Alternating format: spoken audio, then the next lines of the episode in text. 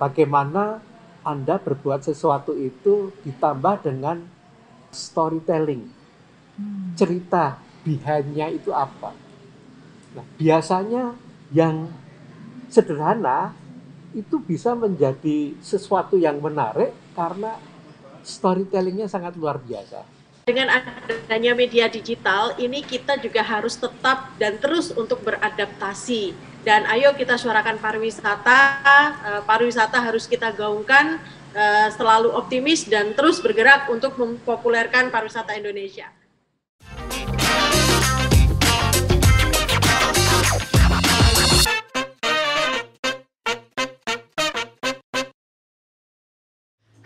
Halo Bobers dan Tribuners di mana pun Anda berada.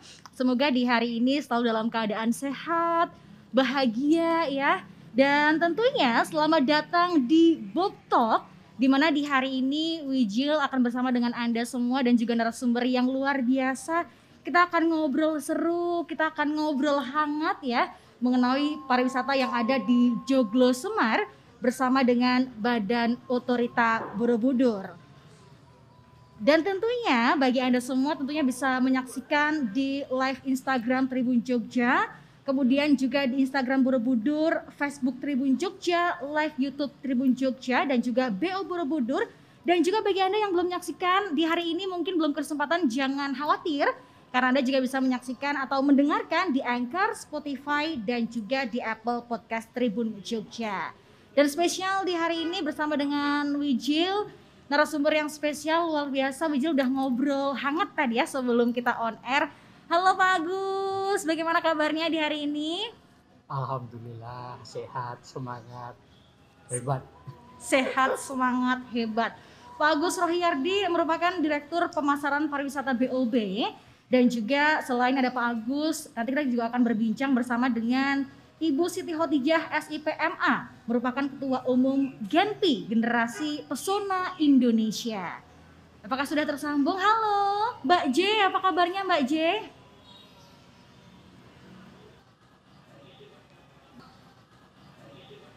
Baik, sehat ya Mbak J ya. Live dari rumah nih ya, harus sehat ya. Dan spesial di hari ini kita akan membahas mengenai strategi digital marketing sektor pariwisata di masa pandemi ya. Di hari ini Jumat 6 Juli 2021. Kalau bicara mengenai strategi marketing, tentunya juga pariwisata dan juga ekonomi kreatif memang harus maju dan juga harus uh, mempergunakan media sosial ya di era 4.0 ini. Nah, tadi juga sempat dibuka tadi juga bersama dengan Sanggar Tari Menel juga yakni membawakan tari kesatria yang mengembarkan sisi terang dan gelap kehidupan yang harus dijalani. Seperti sekarang ini ya Pak Agus ya, ini kan kita sedang di situasi pandemi. Barangkali Tuhan juga sedang menginginkan kita untuk berada di sisi gelap. Seberapa gelap itu kita harus menyalakan lilin ya di setiap langkah kita ya Pak ya. Dan usaha yang dilakukan adalah kemudian dengan uh, strategi marketing, digital marketing ya Pak Agus ya. Begitu kan? Uh, saya pikir uh, yang disampaikan gelap tadi uh, mungkin ya, mungkin gelap. Tapi kalau saya lihat tadi tariannya dari grup Mendel tadi Iya. yang sangat dinamis, sangat uh, antusias. Nah ini saya berharap teman-teman di pariwisata itu juga bisa mengikuti dinamis uh, seperti mereka lah. Ini, ini, Betul. ini penting ini kalau Iya. dinamis ini. Karena dengan penuh dinamis dan penuh semangat, akhirnya jiwa kita, diri kita itu terdorong untuk berbuat positif, berbuat antusias. Kira-kira arahnya ke sana lah. Iya betul sekali. Dengan yang dilakukan adalah akhirnya strategi digital marketing ya dari para pekerja kreatif atau wisata begitu. Nah kalau bicara mengenai eh, digital marketing atau strategi marketing ini yang perlu bobers dan juga tribuners ketahui bahwa Pak Agus ini yang sedang yang akan berbincang dengan saya mer- merupakan simbol reksonya pemasaran BOB. Jadi kalau ngomongin pemasaran, marketing itu sudah di luar kepala ya Pak ya. Sudah hafal sekali. Nah, ini Wijil penasaran nih Pak Agus. Bicara mengenai pemasaran atau marketing, eh, strategi digital marketing, barangkali bobers ataupun tribuners yang ada di rumah mungkin masih mengira bahwa eh, BOB itu kemudian salah satu tugasnya mengenalkan ataupun memasarkan Candi Borobudur. Barangkali ada yang masih berpikir seperti itu. Mohon diberikan pencerahannya, Pak Agus, monggo. Uh, memang uh, pada saat uh, saya tugas di Badan Otorita Borobudur, teman-teman saya memang menanyakan. Ada yang menanyakan jam bukanya jam berapa, Candi Borobudur biaya masuknya berapa, kapasitas di sana kalau hari Minggu seberapa banyak pengunjungnya Nah memang uh, saya nggak menyalahkan mereka karena memang pada saat kita awal-awal ada unsur nama Badan Otorita Borobudur. Jadi seolah-olah kita itu menangani Borobudur saja. Padahal kita itu bekerjanya berdasarkan Perpres nomor 46 tahun 2017. Tugas kita itu ada dua. Yang pertama kita bicara kita dikasih lahan seluas 309 hektar, itu posisinya di Bukit Menoreh. Bukit Menoreh itu letaknya di Purworejo, tapi nempel sama Kulon Progo dan nempel sama Kabupaten Magelang. Jadi ini posisinya segitiga, di posisi segitiga. Nah, tugas kita di sana adalah kita disuruh membuat kawasan pariwisata baru. Nah, tujuannya apa? Tujuannya ini adalah supaya yang pertama adalah kita kalau kita bicara Candi Borobudur itu per tahunnya itu sudah 4 juta. Padahal berdasarkan hitungan dari Balai Konservasi nilai, uh, angkanya itu di kisaran 1,2 juta. Sehingga harapannya adalah Badan Otorita Borobudur membuat uh, kawasan pariwisata baru sehingga orang-orang itu uh, terjadi dekonsentrasi pengunjung, bisa menggeser ke sana juga. Iya. Ini awal-awal alur berpikirnya itu kayak gitu. Nah, tugas yang kedua adalah kita diberi mandat untuk melakukan sinkronisasi, koordinasi, juga pendukungan daerah koordinatif kita. Nah, koordinatifnya itu di daerah mana? Itu di Jogja, Borobudur dan sekitarnya, Solo, Sangiran dan sekitarnya, Semarang, Karimun Jawa, dan sekitarnya. Jadi itu merupakan tiga destinasi nasional, destinasi prioritas nasional, tiga DPN. Iya. Nah, kita seperti tugasnya me, perannya itu sebagai DMO,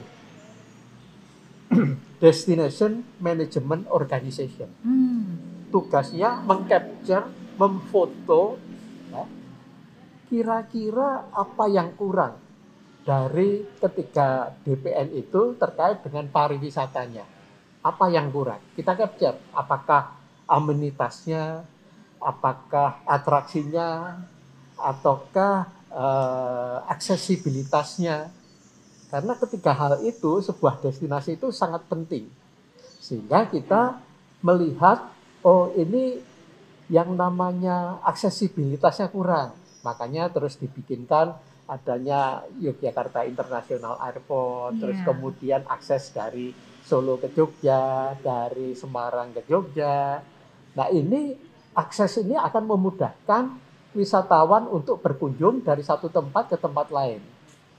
Nah, jadi arahnya itu awalnya itu ke sana. Tugas kita itu dua yang utama itu. Iya, baik. Jadi mungkin untuk Bobers ataupun, ataupun Tribuners nih, jangan sampai di tahun 2021 ini mungkin meneror Pak Agus di Instagram, di Facebook ataupun di email dengan Pak Borobudur bukannya jam berapa sih sebenarnya gitu. Tiketnya harga masuknya berapa gitu jangan sampai ya karena barusan sudah dijelaskan bahwa tugas dari Badan Otorita Borobudur itu sedemikian rupa begitu. Nah, kemudian dengan adanya mandat-mandat dan juga tugas-tugas yang diberikan untuk mengolah, mengcapture dari uh, pemerintah sendiri akhirnya strategi pemasaran atau strategi marketing apa Pak yang dilakukan oleh Badan Otorita Borobudur? Uh, sebenarnya kalau secara teoritis itu kan ada marketing 1.0. Hmm. Kalau point 1.0 itu adalah uh, esensinya itu product driven. Ada organisasi, perusahaan itu untuk menawarkan itu membuat produk sebaik-baiknya. Nah, kemudian ada yang uh, 2.0 ya. 2.0 itu uh, customer oriented. Pelanggan itu maunya apa sih? Kira-kira gitu. Nah, yang uh, marketing 3.0 itu lebih dalam lagi itu mengetahui keinginan yang tersembunyi dari Hmm. si anunya apa uh, wisatawan atau calon pembelinya Iya. tadi.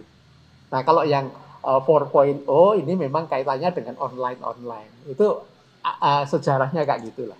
Nah, kita di dalam memasarkan Badan Otorita Borobudur ini memang juga menggunakan banyak sekali tools-tools yang kita gunakan, terutama kita menggunakan online-online. Iya. Apakah itu melalui kita dorong teman-teman melalui uh, marketplace atau juga uh, dengan yang lainnya. Seperti di Kementerian Pariwisata itu dulu pernah membuat yang namanya ITX. ITX itu adalah menemukan antara uh, penjual dan pembeli. Hmm. Esensi dari marketplace itu kan mem- mempertemukan penjual dan pembeli. Iya. Nah, marketplace-nya sendiri untungnya di mana? Untungnya adalah mendapat persentase kalau terjadi transaksi. Oh ya. Jadi kalau misalnya deal dari situ ya Baru dari situ. Iya. Tetapi kan eh, pada awalnya itu dianggap sebagai pesaing sama eh, apakah itu travel agent Iya. ataukah yang lain itu Iya. sering dianggap pesaing. Padahal kalau kita punya usaha, kita masukkan di dalam marketplace itu boleh juga. Hmm, ya, itu betul. yang seperti itu karena adanya uh, marketplace, adanya digital ini memang dimulai awalnya itu keinginan instan dari orang ya. Orang itu menginginkan segala sesuatunya itu serba instan. Betul. Dulu uh, kita itu pada saat saya masih muda mau naik taksi itu berdiri di pinggir jalan. Nunggu taksi lewat baru kita awe-awe, kita kasih Iya. kode supaya datang mendekat. Betul. Nah sekarang kita itu hanya dengan HP, Betul. kita aplikasi kita pencet-pencet di situ, nggak sampai 5-10 menit dia datang di depan kita sudah. Betul. Definisi dunia dalam genggaman ya, Pak ya? Dia dalam genggaman. Dulu kita kalau kirim surat, kalau saya ingat masih pas Lebaran itu kan kita kita kirim kartu pos, itu Iya. kan kita bisa dua tiga hari baru nyampe. Betul, betul. Nah sekarang ini kita pakai surel, surat elektronik dengan Betul. email itu direct. Iya, kita ngomong saya kirim ya ininya ya suratnya ya dia langsung buka betul. lewat handphonenya atau apa Iya. ini sudah otomatis eh, bisa apa komunikasi langsung suratnya tersebut. Iya. dan pasti banyak lah. Anda punya eh, dengan anda mau ke Jakarta. Iya. tinggal buka aplikasi di sini. Anda tinggal search. Terus kemudian aplikasinya ada. Kita booking di situ. Ini kita bawa ke bandara. Kita tunjukkan di counternya Betul. kita dikasih eh, apa namanya boarding pass, langsung kita bisa berangkat terbang. Oke, baik. Jadi memang sekarang di 4.0 tadi pemaparan yang disampaikan Pak Agus dari 1.0 hingga sekarang kita berada di 4.0 Indonesia.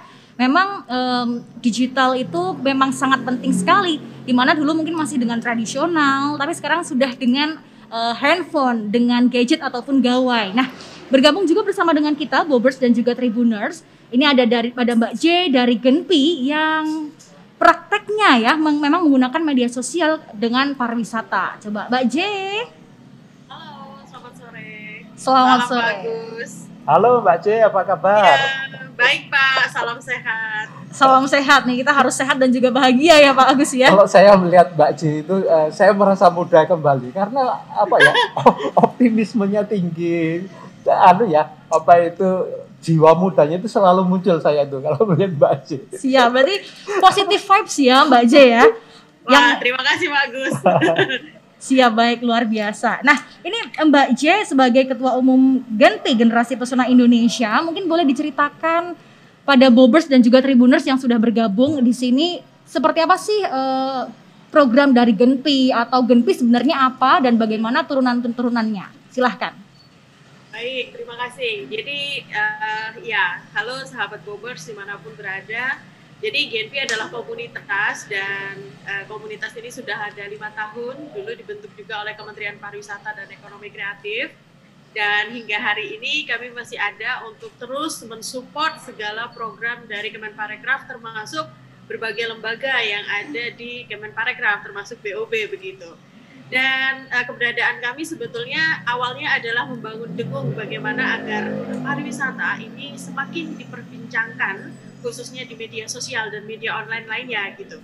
Nah, karena kita melihat bahwa saat ini sudah ada 220 juta orang Indonesia yang terkoneksi menggunakan internet, apalagi saat pandemi ini penggunaan uh, internet khususnya medsos itu naik tajam hingga 8 jam rata-rata sehari. Nah, kita ingin bahwa pariwisata dan ekonomi kreatif itu menjadi perbincangan yang masuk di kalangan masyarakat secara luas. Karena kita juga melihat bahwa pariwisata ini kan jalan tercepat juga untuk mensejahterakan Indonesia ya. Untuk memberikan dampak ekonomi yang paling cepat itu nampaknya memang pariwisata. Karena dari hulu sampai hilir uh, semuanya terlibat dengan pariwisata. Ketika orang datang sampai orang pulang, ini pasti memberikan uh, dampak ekonomi bagi masyarakat. Nah, uh, karena memang pandemi juga, kegiatan Genpi 90% itu ada di online. Jadi kegiatan kami adalah kegiatan yang murni di online saat ini dengan berbagai program yang sedang ada dan kami juga melakukan banyak kolaborasi. Salah satunya adalah dengan BOB. Nah, BOB ini luar biasa karena memang support kami juga dari tahun ke tahun seperti tahun lalu kami menggelar Rakornas, BOP juga uh, hadir memberikan dukungan dan juga uh, kehadirannya begitu. Dan kita melihat bahwa uh, media sosial uh, saat ini sudah menjadi apa ya, bukan lagi kebutuhan, tapi keharusan bagi uh, semua, uh, khususnya di sektor pariwisata. Baik. Nah, di mas, ya baik. Ya, jadi memang dari Genpi sendiri memang kegiatannya lebih banyak juga di media sosial ya, memanfaatkan media, media sosial untuk memajukan pariwisata. Nah, kalau Genpi kan ada Genpi nasional, itu apakah di kota-kota seperti Jogja, di Semarang, di Magelang ada Genpi-Genpi daerah juga, Mbak Jin? Ya, baik. Jadi uh, jaringan kita sebetulnya dari Desember 2018 kami sudah ada di 34 provinsi. Jadi uh, kami menukar informasi dari satu daerah ke daerah yang lain, lalu juga juga uh, banyak sekali kabupaten kota yang mulai terbentuk dan hingga hari ini sudah ada 210 kabupaten kota yang memiliki Genpi. Dan alhamdulillah uh, kami punya slogan di tengah pandemi ini untuk tetap optimis dan bergerak. Jadi harus positif vibe, harus tetap optimis, jangan bendera putih tapi ayo kita kibarkan bendera merah putih untuk pariwisata Indonesia. Baik, luar biasa sekali. Betul nih Pak Agus, memang Mbak J ini luar biasa nih ya. Ini bikin aku semangat juga nih di hari ini, betul sekali uh, jangan kita kebarkan bendera putih tapi bendera merah putih apalagi di bulan kemerdekaan ini ya Pak ya dengan semangat yang membara. Pak Agus. Ya, uh, memang Mbak C ini luar biasa sesuai dengan tadi ya optimis dan bergerak. Uh, memang ini uh, anak muda itu memiliki biasanya memiliki apa ya cita-cita harapan itu ke depan Yeah. Nah itu yang selalu membedakan antara orang tua dan orang muda. Kalau orang tua itu masa depannya itu di belakang, sedangkan anak muda masa depannya masih jauh di depan. Makanya tadi di, di, uh, beliau mengatakan harus optimis dan juga harus bergerak. Saya sangat setuju sekali. Iya betul. Sehingga kita yang ini uh, menjadi muda sekali. Saya selalu mendorong diri saya untuk selalu menjadi berjiwa muda terus. Harus kita harus harus berjiwa muda ya. Karena tentunya bicara soal pariwisata juga ada uh, global megatrend juga ya Pak Agus ya, di mana mungkin tadi dipaparkan Pak Agus secara singkat bahwa kalau dulu kita mau berkirim surat harus menunggu beberapa hari sampai penerima itu bisa membaca. Kalau saat ini nih ya, udah keburu putus dulu Pak kalau ada galau permasalahan cinta gitu Pak Agus, ada masalah lagi di luar kota mau menjelaskan tiga hari sampainya udah sama orang lain pak. Nah tapi kalau sekarang kan udah enggak ya pak ya, karena begitu cepatnya teknologi informasi begitu. Kalau bicara mengenai global megatrend pak, itu apa yang menyebabkan ada uh, pembaharuan begitu? Silahkan. Jadi begini, kalau kita bicara global megatrend, sebenarnya ini dipacu adanya penemuan-penemuan. Ya. Penemuan yang utama itu kan uh, kita sekarang ini sudah sering melihat drone ya, drone. Drone itu bisa terbang gitu ya. Dulu saya kerja di Ancol, saya di marketing juga. Itu kalau kalau kalau mau ngambil stok shoot dari atas, itu saya harus sewa helikopter. Iya. Nah, sekarang ini uh, ini alat yang tanpa awak ini sekarang. Drone itu sudah bisa naik sendiri, terus di ya di setir dari bawah, yeah. dia sudah bisa ngambil gambar-gambar ke bawah. Jadi ngambil stock shoot itu kita nggak perlu naik helikopter atau apa, sudah dengan drone itu sudah bisa melakukan pengambilan gambar. Nah yang kedua tadi penemuan tanpa awak, terus ada uh, apa namanya uh, digital printing untuk tiga dimensi itu juga sangat luar biasa sekali. Nah kemudian yang kedua itu adanya penemuan digital seperti yang nanti kita diskusikan. Nah yang ketiga adalah penemuan yang terkait dengan uh, biological invention. Nah sekarang ini kalau kita lihat ya banyak sekali penemuan penemuan-penemuan misalnya bagaimana jantung itu yang artifisial sudah mulai dilakukan, membuat ginjal ginjal artifisial juga sudah mau yeah. dibuat. Jadi ini dari biological invention ini juga sangat luar biasa. Nah ketiga hal ini ya ini mempengaruhi uh, perkembangan di dunia global ini. Nah, tentunya kalau kita bicara itu dikaitkan dengan kondisi yang sekarang, adanya pandemi COVID, ya, ini kan dimulai dari outbreak di kota Wuhan, yeah. jadi epidemi di daerah situ, terus kemudian menjadi pandemi di seluruh dunia. Yeah. Nah, dari situ itu sangat berpengaruh terhadap kepariwisataan. Karena apa? Pariwisata itu esensinya adalah pergerakan. Padahal adanya pandemi itu, gerbang-gerbang di seluruh dunia itu ditutup semua. Nah, kalau ditutup semua artinya apa? Artinya nggak ada pergerakan. Nah, dengan adanya global megatrend, dengan adanya pandemi, ini berpengaruh terhadap pergeseran concern wisatawan. Nah sekarang ini wisatawan banyak yang lebih staycation, terus kemudian kalau bepergian mereka tidak dalam rombongan. Kalau rombongan pun biasanya hanya keluarga dekat saja yang diyakini dan dipercaya bahwa mereka tidak kena COVID. Iya. Nah, kan gitu kan? Betul. Nah kemudian wisatawan ini juga lebih senang yang sifatnya itu outdoor. Pergi ke mana-mana itu sifatnya outdoor lebih senang daripada yang indoor. Makanya tadi waktu kop, uh, mau datang ke sini saya mikir apakah nanti di dalam ya situasinya. Oh ternyata kita di outdoor. Kan saya senang ini dengan kondisi kayak gini karena uh, ada perasaan was-was juga kalau kita lakukan di indoor. Yeah. Jadi wisatawan ada perasaan kalau bisa segala sesuatunya itu dilakukan di uh, outdoor. Nah kemudian karena uh, wisatawan suplainya itu banyak, tempat wisatanya banyak, semua membutuhkan wisata. Nah mereka itu lebih ini ya apa itu spending money-nya itu lebih selektif. Iya. Mereka itu berharap kalau beli bakso ya dapat es tehnya gratis misalnya kayak gitu. Betul. Nah itu harapan-harapan wisatawan itu terjadi pergeseran. Concern dari wisatawan itu terjadi pergeseran. Nah, dalam situasi ini kita harus pinter-pinter bagaimana cara memasarkan dalam situasi ini. Jadi ini yang kita sebut kita sebut uh, adanya global megatrend dan adanya pandemi itu menjadikan concern wisatawan itu bergeser. Oh ya, sehingga kemudian akhirnya uh, strategi marketing yang dilakukan pun juga akhirnya bergeser dari yang tradisional menjadi ke lebih digital, begitu ya Pak Agus ya? Kira-kira ke sana arahnya nanti. Oke, okay, ya. baik. Nah, kalau bicara mengenai situasi pandemi ini, pariwisata kan juga sangat amat terdampak seperti disampaikan Pak Agus dan juga Mbak J tadi ya bahwa kemudian pastinya ada banyak sekali kerugian yang didapatkan ya Pak ya dari yang kita mungkin biasa di kantor pengen refreshing tapi nggak bisa gitu. Tapi kan memang situasi ini yang memang harus kita alami dan jalani sekarang ini ya Pak. Kalau strategi digital yang dilakukan kemudian seperti apa di situasi pandemi ini Pak Agus? Jadi begini memang dampak pandemi ini sangat luar biasa. Di DIY saja itu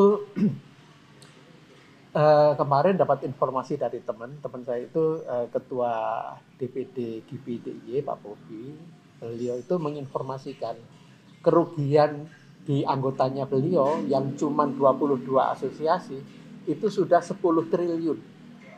Wow. Kerugiannya sudah 10 triliun. Nah, padahal di luar itu kan masih banyak asosiasi Yang asosiasi lain. yang lain yang belum bergabung. Nah ini yang membuat eh, kita itu harus berpikir banyak. Nah mungkin yang terpenting kalau menurut saya ya sekarang ini kita anggap sebagai jeda ya jeda eh, kita sesuai dengan RPJMN yang ada di pemerintah rencana pembangunan jangka menengah Ya. itu untuk pariwisata itu sekarang sudah quality tourism Hmm, bukan kuantitas. bukan Cuma- iya. kuantitas lagi Iya. tetapi quality. Nah, saya bilang eh, ini kita baru jeda. Nah, untuk itu kita mempersiapkan semua produk-produk yang ada di destinasi itu untuk berbenah diri. Hmm. Bagaimana supaya eh, memiliki uniqueness. Nah, uniqueness ini sangat penting sekali. Mengapa? Karena supaya tidak bisa ditiru orang lain. Dan wisatawan datang karena uniqueness-nya itu. Terus kemudian memiliki daya saing. Nah, daya saing itu bisa bermacam-macam. Apakah dari harganya, apakah dari eh, apa namanya yang produk yang ditawarkan atau apa itu itu bisa dilakukan itu. nah, eh, dalam konteks jeda itu semua harus kita lakukan. Iya. Nah, kemudian supaya kita tetap diingat terus oleh wisatawan, ya kita membuat eh, apa namanya produk-produk virtual eh, yang bisa kita tawarkan ke mereka. Tetapi produk virtual ini konteksnya hanya marketing saja, karena bagaimanapun juga yang namanya pariwisata itu perlu eh, apa ya perlu menjawab curiosity Betul. keingintahuan dari kita. Nah, keingintahuan dari kita itu hanya bisa dengan datang, Betul. dengan human touch yang kita lakukan. Jadi dengan situasi itu eh, bisa kita lakukan pembenahan-pembenahan secara internal untuk persiapan manakala pandemi sudah mereda. Jadi dengan adanya virtual tour dan lain sebagainya itu harapannya merimain pihak-pihak wisatawan untuk selalu ingat terhadap kita. Ya baik. Jadi memang dengan strategi digital marketing yang dilakukan sekarang memang akhirnya sasarannya atau arahnya adalah memperbaiki kualitas begitu ya. Kualitinya kalau dulu adalah kuantitas. Semakin banyak kita mengajak orang datang ke pariwisata, maka semakin baik. Kalau sekarang akhirnya ibaratnya saat ini tuh kita sedang mengalami kawah candra di muka ya, Pak ya. Kita lagi sebentar jeda untuk kemudian menyongsong ya kehidupan yang baru, new normal ya begitu. New normal. Jadi kemudian memang untuk eh, Bobers dan juga Tribuners ini jangan sedih dulu karena memang ada saatnya nanti kita pelan-pelan juga buka. Kalaupun dibuka juga akhirnya kita eh, menggunakan protokol kesehatan yang baik juga begitu ya Pak ya. Mbak J. Ya. Jadi em, boleh mungkin disampaikan ketika kemudian eh, pertama dari Kementerian Pariwisata akhirnya ada Genpi apa yang kemudian disampaikan untuk menjadi goalsnya dengan adanya Genpi gitu misalnya dari kementerian mungkin menyampaikan oh Genpi tugas kamu adalah ABCDFG dengan pencapaian ABCDFG gitu silahkan Mbak J monggo Baik, jadi tugas kami dari tahun ke tahun ini targetnya memang beda ya. Eh, kalau awal-awal eh, kami memperkuat branding Wonderful Indonesia dan juga pemenangan berbagai kompetisi Indonesia di kancah internasional. 2016 eh, kami mendukung eh, World Halal Tourism Award dan 12 piala, lalu juga eh, video promosi Indonesia di UNWTO ada dua piala juga dan banyak sekali sebetulnya eh, apa yang sudah pernah kita lakukan untuk campaign online begitu. Nah, memasuki masa pandemi COVID tentu eh, ini menjadi tugas lagi yang berbeda. Nah, tugas utamanya sekarang ini lebih bagaimana tetap memunculkan pariwisata di media sosial, bagaimana pariwisata tetap hadir meskipun eh, kondisinya masih pandemi dan krisis seperti ini. Lalu juga kami diberikan tugas khusus di tahun 2021 ini oleh Mas Menteri, eh, Mas Sandiaga Uno, untuk ikut melaksanakan pengawasan begitu. Karena banyak sekali sektor-sektor yang selama ini juga eh, sekarang ini juga rentan dan butuh pengawasan. Lalu kami memberikan update dari berbagai daerah tentang apa yang terjadi karena tidak semua daerah di Indonesia juga PPKM saat ini eh, mengingat banyak juga jaringan kita yang ada di eh, luar Jawa dan Bali. dan tentu kita mendorong agar bagaimana pariwisata tetap optimis lalu juga ekonomi kreatif tetap tumbuh dan penciptaan lapangan kerja baru khususnya bagi milenial di uh, 17 subsektor aircraft begitu. Baik, jadi memang setiap tahunnya selalu berganti ya. Ini yang lagi happening apa, yang mau diangkat apa begitu. Mungkin boleh Mbak diceritakan bagaimana mungkin strategi yang dilakukan Genpi di mana Genpi adalah perwakilan anak-anak muda gitu yang kemudian ingin memajukan pariwisata. Bagaimana kemudian ketika ingin mentrendingkan sesuatu atau mengangkat sesuatu? Silahkan, Mbak J. Uh, baik, jadi promosi itu ibaratnya kan kita mengangkat beban ya. Kalau misalkan ada beban 50 kilo kita mau angkat sendiri kan tentu sangat berat sekali begitu. Tapi dengan adanya jaringan, dengan adanya network dan juga uh, pentahelix pariwisata itu akan menjadi mudah karena promosi itu intinya juga kolaborasi. Kita tidak bisa sendiri dan pari, uh, promosi pariwisata itu tidak hanya bisa dilakukan oleh pemerintah, tapi bagaimana partisipasi publik khususnya juga di zaman media digital ini, bagaimana orang-orang masyarakat juga mengangkat pariwisata sebetulnya uh, orang Indonesia sudah sangat identik dengan pariwisata. Ke mana pun mereka, konten-konten sosial media mereka, kalau kita amati itu juga bagian dari pariwisata. Mungkin memang belum terlalu dibungkus dengan framing yang uh, kompak, misalkan dengan penggunaan hashtag Wonderful Indonesia, Ayo Wisata ke Jogja, atau bahkan uh, wisata ke Borobudur begitu. Banyak sekali netizen yang setiap hari juga mengupload kuliner, fashion, tren, atau bahkan mereka berkunjung ke destinasi Bahkan di pandemi ini uh, teman-teman Genpi uh, khususnya di Jateng dan Jogja kemarin sempat ada yang report dari Salatiga itu mengatakan bahwa ternyata hotel dan cottage di pinggir kota itu ternyata malah full ketika PPKM. Ini kan luar biasa. Dan oh. setelah kami melakukan apa uh, setelah kami melakukan riset mini riset begitu ternyata ini adalah efek dari artificial intelligence digital gitu bagi uh, di mana Eh, kecerdasan manusia melalui komputer, melalui tools, melalui aplikasi-aplikasi dan juga sosial media ini ternyata sudah bisa menyambungkan stakeholder pariwisata industri langsung ke konsumen melalui misalkan adalah sponsor iklan. Lalu juga mereka sudah bisa menggunakan berbagai tools digital untuk memetakan pasar. Jadi ketika kita mampu untuk menggunakan tools ini dengan baik, lalu kita bisa mengolah data dengan baik, melihat insight-nya bagaimana, melihat media review-nya bagaimana, pemasaran itu sepertinya menjadi sangat mudah, sangat efektif, dan sangat efisien. Dan bahkan kami juga kaget ketika uh, banyak hotel di pinggiran ini ternyata justru uh, mereka banyak yang stay di hotel, kerja dari hotel, atau bahkan melakukan staycation dalam waktu yang cukup lama. Oke, baik. Jadi malah akhirnya kemudian dengan adanya transformasi digital begitu malah di era-era pandemi ini orang-orang mungkin oh saatnya untuk liburan tapi tetap aman gitu ya memilih homestay akhirnya supaya nggak bosen di rumah aja gitu ya begitu ya, uh, per, ya perlu kita akui juga bahwa ada kelas menengah ke atas yang memang mereka sudah sangat uh, menginginkan berwisata saat ini Lalu juga kita juga melihat bahwa ada peningkatan yang signifikan dalam penjualan produk aircraft justru di saat pandemi. Misalkan adalah produk fashion begitu.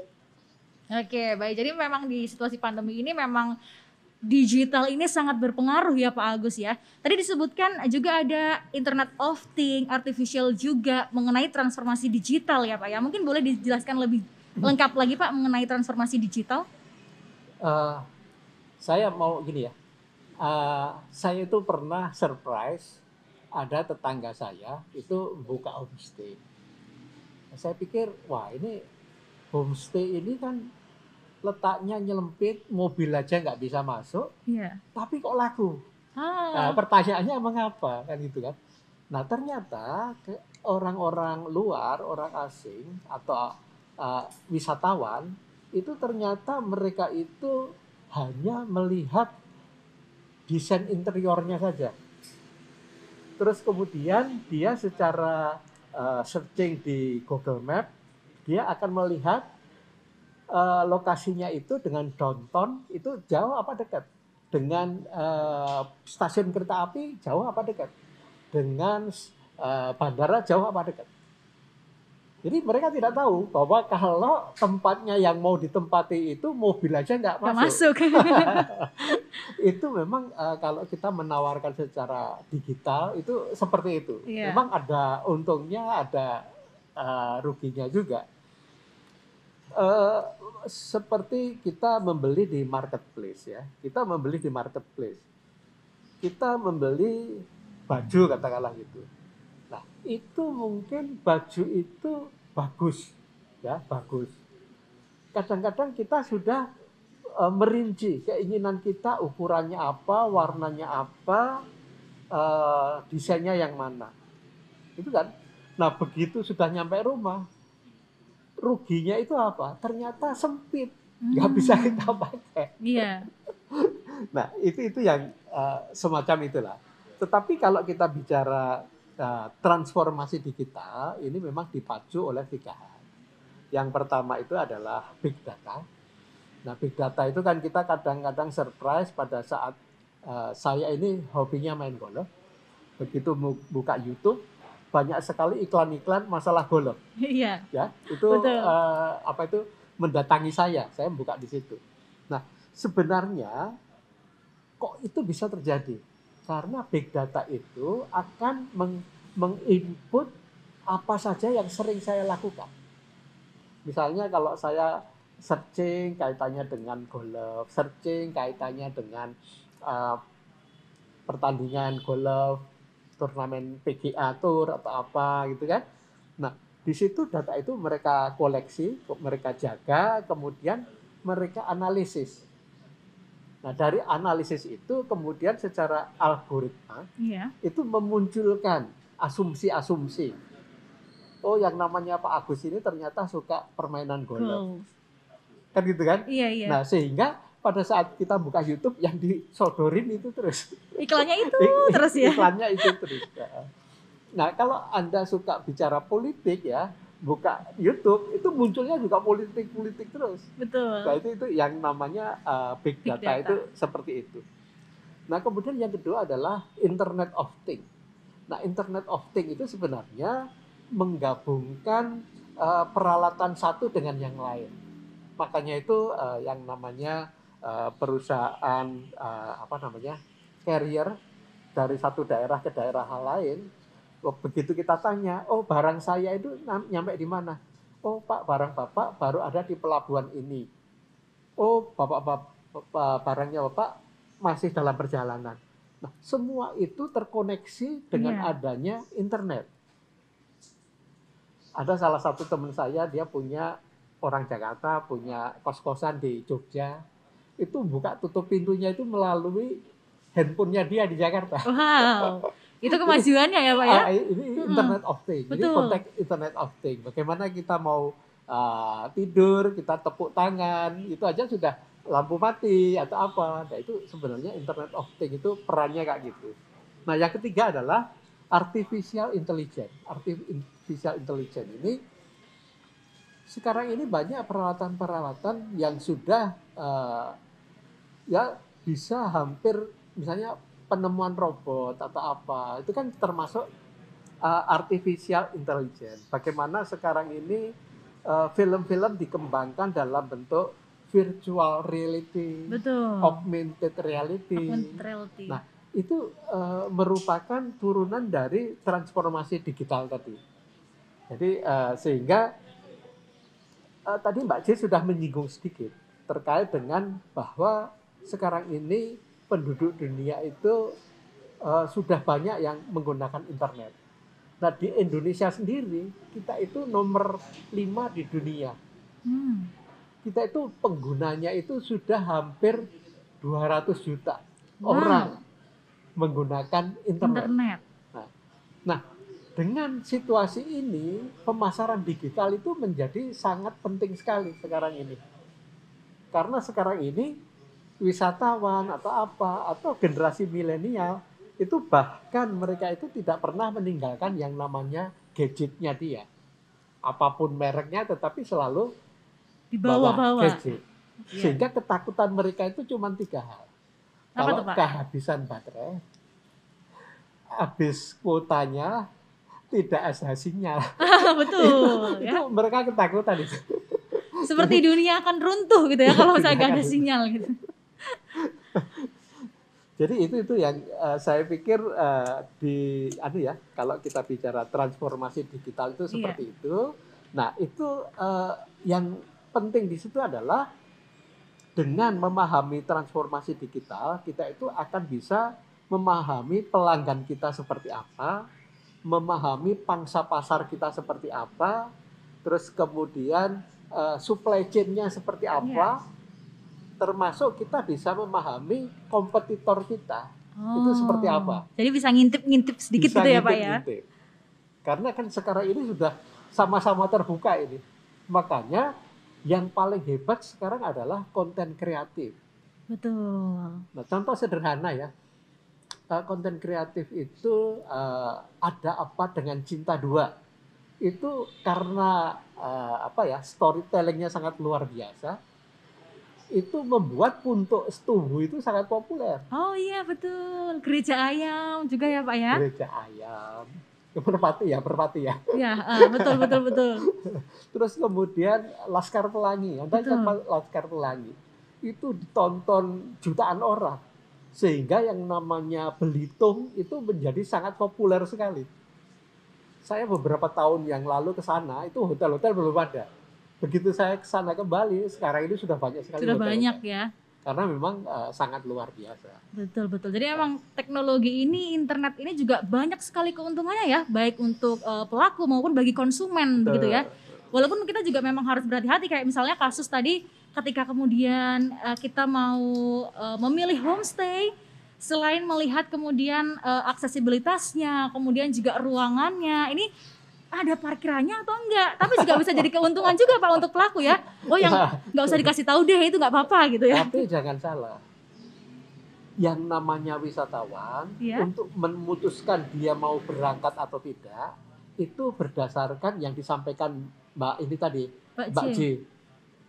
Online review. Ah, Reviewnya betul. yang pernah ke situ bagaimana?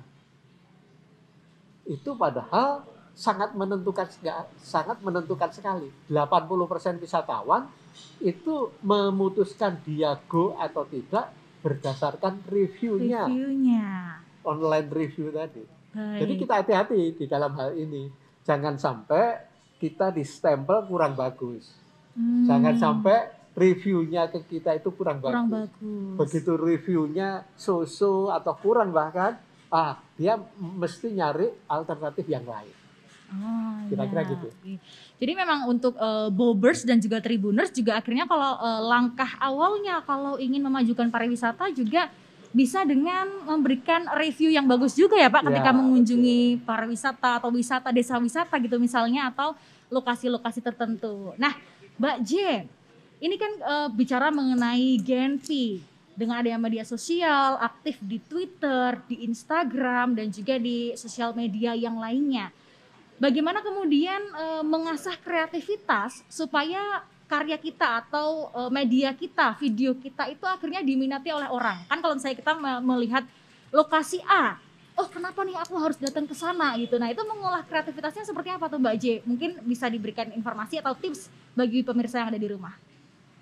Baik, nah eh, biasanya kami membuat konten ini sangat spesifik. Jadi kalau misalkan konten untuk YouTube, konten untuk TikTok, konten untuk Instagram, ini memang kami membuat framing yang berbeda. Karena tentu setiap media sosial ini memiliki eh, rasa, cita rasa yang berbeda. Sehingga eh, kita juga harus menyajikan sesuatu yang berbeda juga. Dan sepertinya memang kita juga harus memahami algoritma media sosial misalkan uh, kita juga harus tahu apa selera dari konsumen kita, lalu juga jam berapa mereka online.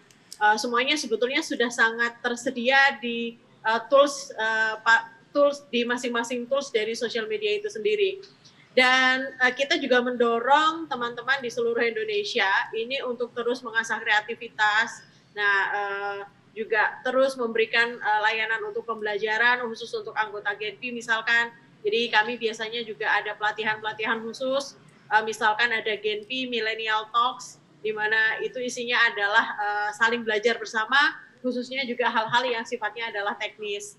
Dan uh, kita juga harus melihat juga seperti yang dikatakan Pak Agus tadi bahwa kita juga harus melihat kompetitor kan. Kita juga melihat tren-tren wisata di dunia itu seperti apa begitu. Uh, apa yang menjadi viral itu juga harus kita dekati juga gitu. Bukan uh, jadi bukan mengcopycat tapi bagaimana memodifikasi uh, yang menjadi tren itu juga penting. Karena bagaimanapun uh, artificial intelligence juga berlaku uh, di uh, follower kita gitu. Jadi bagaimanapun kita juga harus menyediakan Uh, menu-menu yang beragam untuk para netizen. Betul. Jadi memang kalau misalnya uh, untuk pelaku pariwisata nih atau teman-teman desa wisata, spot terbaiknya gitu di lokasinya juga bisa diangkat gitu ya Mbak J ya. Supaya kemudian ketika melihat oh tertarik tuh karena kalau misalnya sekarang kan anak-anak muda pasti pilihnya yang spot-spot instagramable gitu ya, yang cocok untuk diunggah gitu misalnya kan memang harus diangkat ya hal-hal seperti itu Mbak J. Betul. Hmm. Jadi uh, oh ya Betul, Mbak. Jadi apa yang har uh, sosial media sebenarnya hanya memberikan kita waktu tiga detik awal untuk orang ini apakah akan mengetahui uh, mencari tahu informasi kita lebih dalam atau tidak. Jadi kalau dalam tiga detik pertama kita tidak mendapatkan atensi mereka, maka uh, postingan kita hanya akan lewat saja di beranda mereka. Oh, gitu ternyata. Jadi tips dari Mbak J nih ya apakah kamu sudah bisa melewati tiga detik pertama nih? Kalau belum udah hapus aja deh ganti postingan yang lain gitu. Baik Mbak J ini ada pertanyaan eh, dari Bobers dan juga Tribuners dari Susika. Mohon izin bertanya bagaimana cara untuk bergabung dengan Genpi? Dan apa saja keuntungan yang didapatkan? Apakah Genpi ini profit ataupun non profit silahkan dijawab Mbak J Baik, untuk bergabung bisa join ke member.genpi.id atau mendm akun Instagram @genpi_indonesia. Nah, e, kalau keuntungannya e, join dengan Genpi ini adalah murni volunteer. Jadi kami semua tidak ada yang dibayar, tidak ada yang ini itu begitu. Karena pariwisata bagi kami sudah passion. Nah, kalau sudah passion ini luar biasa. Dan bergabung di Genpi tentu ini akan mendapatkan network yang sangat luas sekali, bahkan di seluruh Indonesia di 34 provinsi dan 210 kabupaten kota. Dan jaringan, lalu juga pembelajaran yang tiada batas, karena kita juga saling belajar antar anggota, dan juga uh, kita juga terkoneksi langsung uh, bisa mendapatkan informasi terkini tentang pariwisata, lalu juga implementasi akan kebijakan pariwisata terkini. Oke, baik. Jadi memang banyak sekali keuntungannya ya yang bisa didapatkan ya tentu saja ketika bergabung menjadi Genpi. Mungkin kalau sekarang belum terlihat setelahnya ya karena ada kemudian jangkauan atau relasi yang bisa didapatkan. Oke Mbak J, thank you nih untuk sudah menjawab pertanyaan dari Susika. Baik, ini ada pertanyaan lagi dari Pak Joko nih untuk Pak Agus ini. Apa saja yang harus dilakukan oleh pelaku pariwisata apabila kemudian lokasi wisatanya terpencil atau susah sinyal. Mohon pencerahannya Pak Agus. Wah ini menarik sekali nih karena memang uh, walaupun di Indonesia sendiri sudah uh, cukup merata ya untuk internet, tapi mungkin ada juga lokasi yang masih agak naik turun. Tapi punya semangat yang tinggi Pak Agus untuk mempromosikan uh, daerah wisatanya. Jadi mungkin boleh dibagi tipsnya nih Pak Agus. Ah, itu memang menjadi permasalahan utama untuk uh, destinasi baru, ya, destinasi baru, biasanya memang mereka kesulitan sinyal. Padahal sinyal itu uh, menjadi yang utama. Banyak uh, destinasi ditinggalkan karena mereka nggak ada sinyal. Nah, tentunya sekarang ini memang dari uh, Kementerian Informasi itu sudah mendorong untuk daerah yang remote, artinya yang jauh, untuk uh, supaya bisa apa namanya ada combatnya combat itu suatu unit yang untuk memancarkan sinyal itu bisa ditempatkan di beberapa tempat daerah ini. Nah ini yang selalu di daerah remote itu masing-masing kabupaten biasanya punya uh, dinas kominfonya. Yeah. nah, nah dia biasanya sudah akan berusaha. Tetapi kembali lagi ini semua kan tergantung skala prioritasnya. Skala prioritas itu uh, kecuali kalau nggak ada batasannya ya pendanaan ya, tetapi yeah. kan kita semuanya ada keterbatasan masalah Betul. pendanaan. Nah biasanya eh, dinas kominfo itu akan menentukan skala prioritasnya yang mana dulu untuk Oh, iya. dilakukan eh, apa itu eh, pendukungan. Nah, untuk daerah yang remote itu sebenarnya mereka bisa melakukan pemasaran eh, pada saat dia biasanya di kelurahan itu pasti ada sinyalnya. Iya, Di kelurahan ada sinyalnya. Nah, dia bisa nebeng ke sana. betul. Nah, ada beberapa dulu saya ngajak teman untuk talk show juga kayak gini. Eh, saya tanya, Anda berada di mana? Oh, saya sedang berada di kelurahan. Karena kalau di Oh, tempat iya. Ininya sendiri nggak memungkinkan. Karena Betul. nggak memungkinkan ada sinyalnya. Iya. Jadi memang selama ada keinginan ya Pak ya, Ah, ada bi- jalan bisa ya. akan ada jalan gitu Betul, ya. kira-kira Tapi gitu. kemudian sebelum eh, meminta bantuan juga dipastikan juga bahwa wisatanya juga memang pantas untuk diberikan bantuan gitu ya Pak Betul. misalnya ya. Ah, Baik. Nah, Pak Agus ini tidak terasa kita sudah sampai di penghujung acara. Saya akan bertanya pada Mbak J dulu nih, apa nih pesan yang mau disampaikan pada millennials atau Bobers dan Hmm. juga Tribuners nih untuk memajukan pariwisata dengan adanya digital marketing. Boleh silakan Mbak J singkat saja. Baik, eh, dengan adanya media digital, ini kita juga harus tetap dan terus untuk beradaptasi. Dan ayo kita suarakan pariwisata, eh, pariwisata harus kita gaungkan, eh, selalu optimis dan terus bergerak untuk mempopulerkan pariwisata Indonesia. Baik, terima kasih Mbak J. Semangatnya nih positif banget, luar biasa nih. Semoga sehat selalu untuk Mbak J ya. Terhubung. Terima kasih. Baik, siap. Nah, Pak Agus, mungkin boleh terakhir closing statement harapannya untuk para pelaku kreatif, pelaku pariwisata, dan juga bobers serta tribuners yang menyaksikan tayangan ini. Silakan. Eh, kalau dari saya sih sederhana. Kalau kita mau untuk anu ya para pelaku ya, bagaimana Anda berbuat sesuatu itu ditambah dengan eh, storytelling, cerita behind-nya itu apa. Nah, biasanya yang sederhana itu bisa menjadi sesuatu yang menarik karena storytellingnya sangat luar biasa. Saya itu pernah eh, pergi ke Australia. Salah satu paketnya itu adalah cuman mengunjungi bagaimana cara menanam nanas.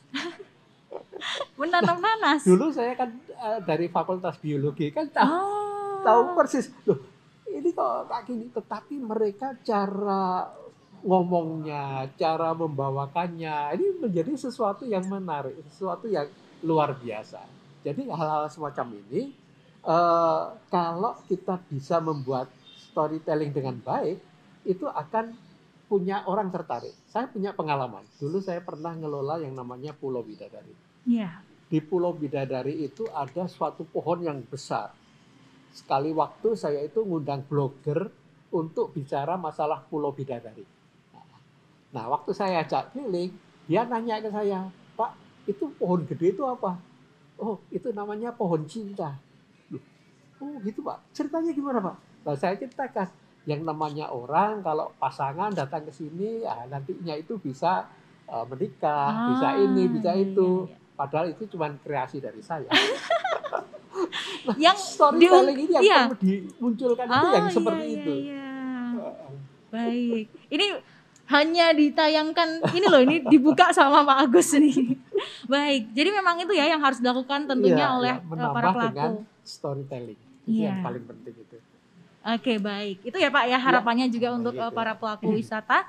Jadi boleh eh, semakin kreatif karena sekarang juga sudah zamannya soft selling begitu ya. Jadi boleh diberi bumbu-bumbu cerita atau drama atau latar belakang sehingga kemudian semakin menarik eh, lokasi wisata yang akan dikunjungi oleh para konsumen atau bobers dan juga tribuners. Dan di sore hari ini tidak terasa kita sudah sampai di penghujung acara. Terima kasih untuk kebersamaannya Pak Agus Matur nuwun untuk kesempatannya. Terima kasih sudah diundang Mbak Bicil. Matur nuwun sehat selalu Pak Agus.